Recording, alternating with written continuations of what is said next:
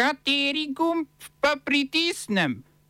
Tisti, na katerem piše OF. Poslanci Evropskega parlamenta za podpredsednika izglasovali Marka Angela.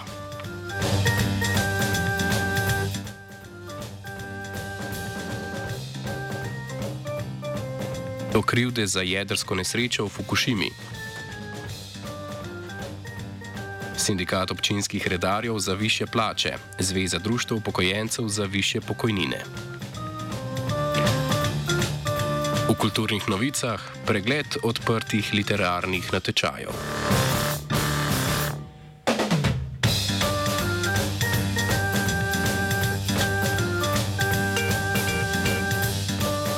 Poslanci Evropskega parlamenta so za enega od 14 podpredsednikov izvolili Luksemburžana Marka Angela, člana politične skupine socialistov in demokratov. Na podpredsedniškem položaju je nasledil grško-evropsko poslanko Evo Kajili, ki so jo poslanci z položaja razrešili decembra lani zaradi korupcijskega škandala povezanega s pranjem denarja in vplivanjem na odločitve Evropskega parlamenta o svetovnem nogometnem prvenstvu v Katarju. Angel je za izvolitev potreboval absolutno večino glasov, a te v prvem krogu ni prejel. Dobil je 263 glasov, njegovi protikandidatki, francozinja Gwendolyn Delbos Corfield in italijanka Analiza Trdino, pa 89 oziroma 185 glasov. Poslanci so Angela na to izvolili v drugem krogu in sicer s 307 glasovi podpore.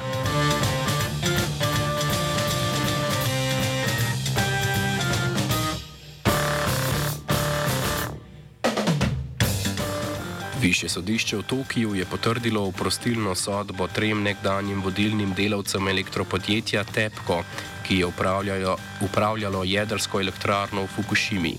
S tem jih je sodišče oprostilo krivde za strokovne malomarnosti v jedrski nesreči, ki se je zgodila leta 2011.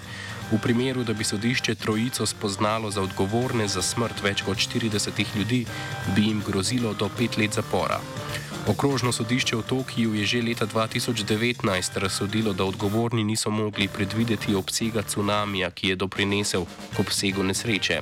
V ločeni civilni tožbi z operomenjeno trojnico in nekdanjega direktorja Tepka je sodišče junija lani sicer odločilo, da morajo svojcem žrtev plačati 101 milijardo evrov očkodnine.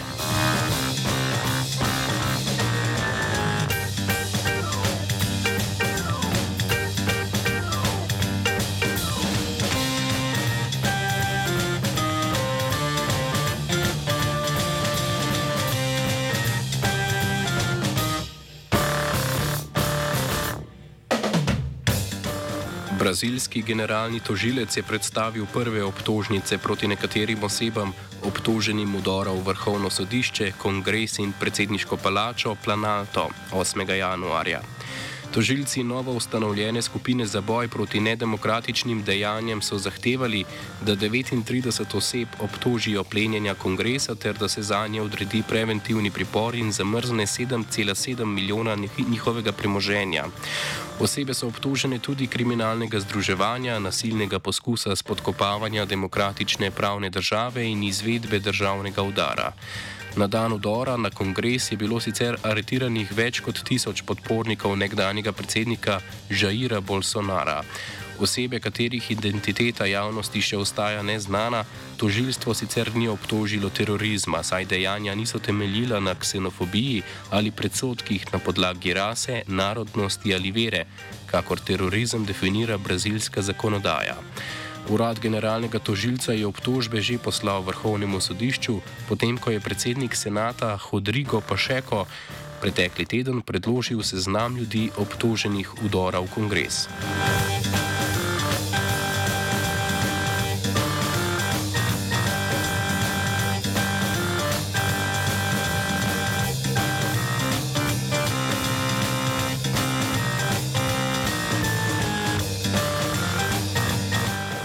Rusija je razširila seznam oseb, ki jim je prepovedan vstop v državo.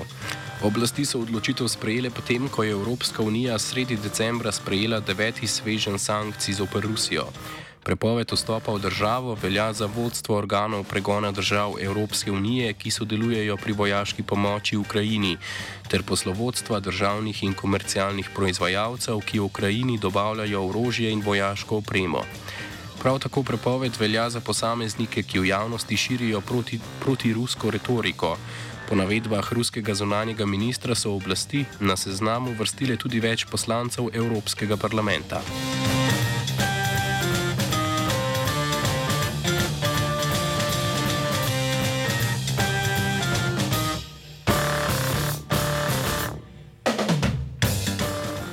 Vlada Združenih držav Amerike je 25 uradnikom Belorusije prepovedala vstop v državo.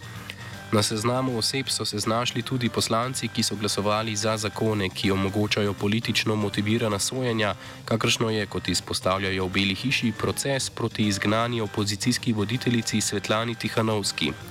Razlog za prepoved izdajanja vizumov, vizumov tem osebam je tudi sodelovanje pri sprejemanju zakonodaje za odobritev smrtne kazni za ljudi, ki so bili obsojeni terorizma.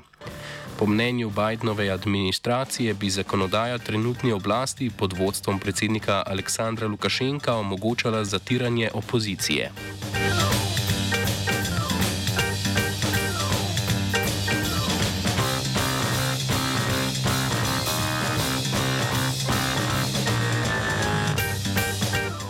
Prva skupina srpskih prostovoljcev je začela z usposabljanjem v okviru ruskega bataljona prostovoljcev v ukrajinski regiji Zaporožje, ki je pod nadzorom ruske vojske. Srbija Rusijo poziva naj preneha novačiti srpske državljane za bojevanje s plačanci paravojaške skupine Wagner. Srpska zakonodaja državljanom sicer prepoveduje udeležbo na tujih bojiščih, za kar je zagrožena zaporna kazen od 6 mesecev do 5 let oziroma 8 let, če je storilec kaznivo dejanje storil v okviru skupine. Wagner naj bi Srbe novačil z oglasi v srpščini, ki jih organizacija objavlja na družbenih omrežjih.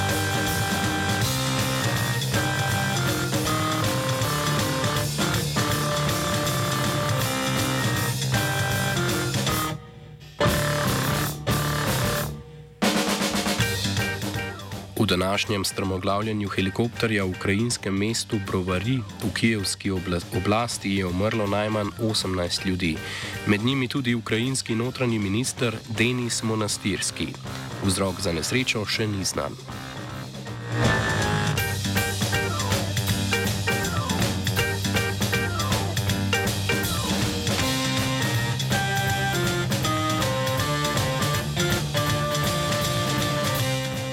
Na zahodu Nemčije se nadaljujejo protesti zoper širitev rudnika lignita Garzweiler. Shodi se nadaljujejo kljub temu, da je policija odstranila protestnike iz vasi Licerat, kjer so okoljski aktivisti skvotali od leta 2020 in ki je v širitvenih načrtih rudnika. Eden najbolj odmevnih protestov je potekal v Kelnu, kjer so aktivisti blokirali cesto ter s tem začasno zaprli dovozne poti in ustavili promet. Protesti so sicer potekali tudi v drugih krajih na zahodu Nemčije. V rudniku Lignita Inden blizu mesta Aachen je skupina zasedla bagar in s tem zaustavila delo v rudniku. Smo se osamosvojili, nismo se pa osvobodili. Naslednje število je še 500 projektov. Izpiljene modele, kako so se strani nekdanje LDS rotirali. Ko to dvoje zmešamo v pravilno zmes, dobimo zgodbo o uspehu. Takemu političnemu razvoju se reče udar. Jaz to vem, da je nezakonito, ampak kaj nam pa ostane? Brutalni obračun s politično korupcijo. To je Slovenija, tukaj je naša zemlja, to je Slovenija, Slovenija, Slovenija.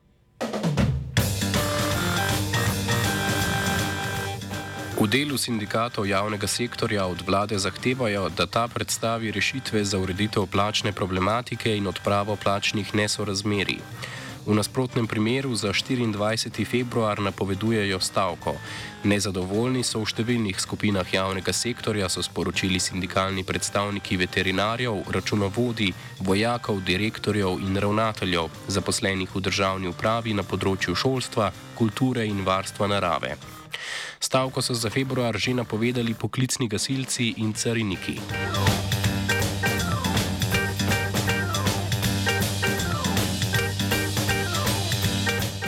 Sindikat občinskih redarjev Slovenije je vlado ponovno pozval k ureditvi statusa občinskih redarjev.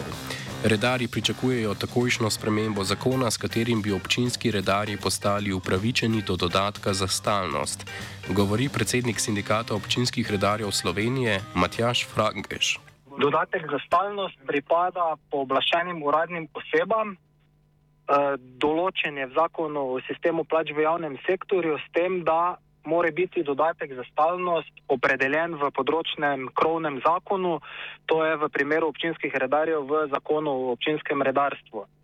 Zdaj sindikat občinskih redarjev je že nekajkrat poskusil na krovno ministrstvo za javno upravo, vendar eh, zaenkrat eh, niso na stališču, da bi, da bi šli v spremembo zakona, zato zaenkrat tega dodatka eh, še nimamo.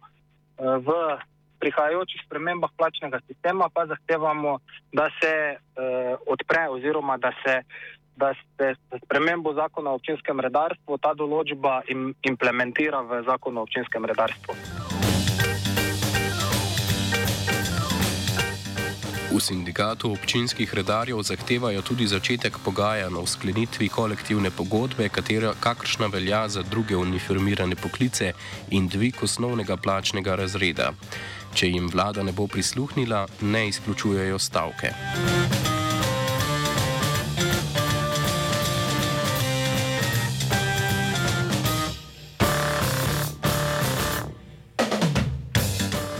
Zveza društv upokojencev je vlado pozvala k uskladitvi pokojnin vsaj za 7,1 odstotka in ne le za predvidenih 4,9 odstotka. S tem bi pokojnina za 40 let delovne dobe znašala 7, 700 evrov. Več o zahtevah pove predsednik Zveze društv upokojencev Janez Sušnik. Poglejte, mi smo že v letu 2022, ko je naraščala draginja in pa inflacija, smo predlagali svetu SPIZA, naj eh, izračuna, eh, kakšni so pogoji za izredno uskladitev pokojnin v jesenskem delu 22. leta. Svet Spiza po izračunu ni sprejel eh, 4,4 izračuna in ni poslal vladi v izredno uskladitev, ampak je enostavno predlagal, da je vlada naredi po svoji, po svoji moči in finančnih možnostih. Torej, ko smo pa dobili dvakrat po 4,5, to je november in december, brez valorizacije pokojnin.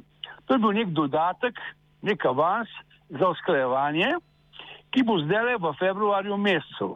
Da bi pa mi prišli do številke, katera je tudi zapisana v koalicijski pogodbi, da sme biti, mora biti, ali pa oni se bojo potrudili in tudi ustvarili pogoje, da je najnižja pokojnina za 40-letno delo brez dokupa 700 evrov. Vlado so pozvali tudi k razmisleku o draginskem dodatku za upokojence. Po mnenju zveze bi ga morali prejeti tisti, ki imajo pokojnino nižjo od 771 evrov, kolikor znaša prak tveganja revščine.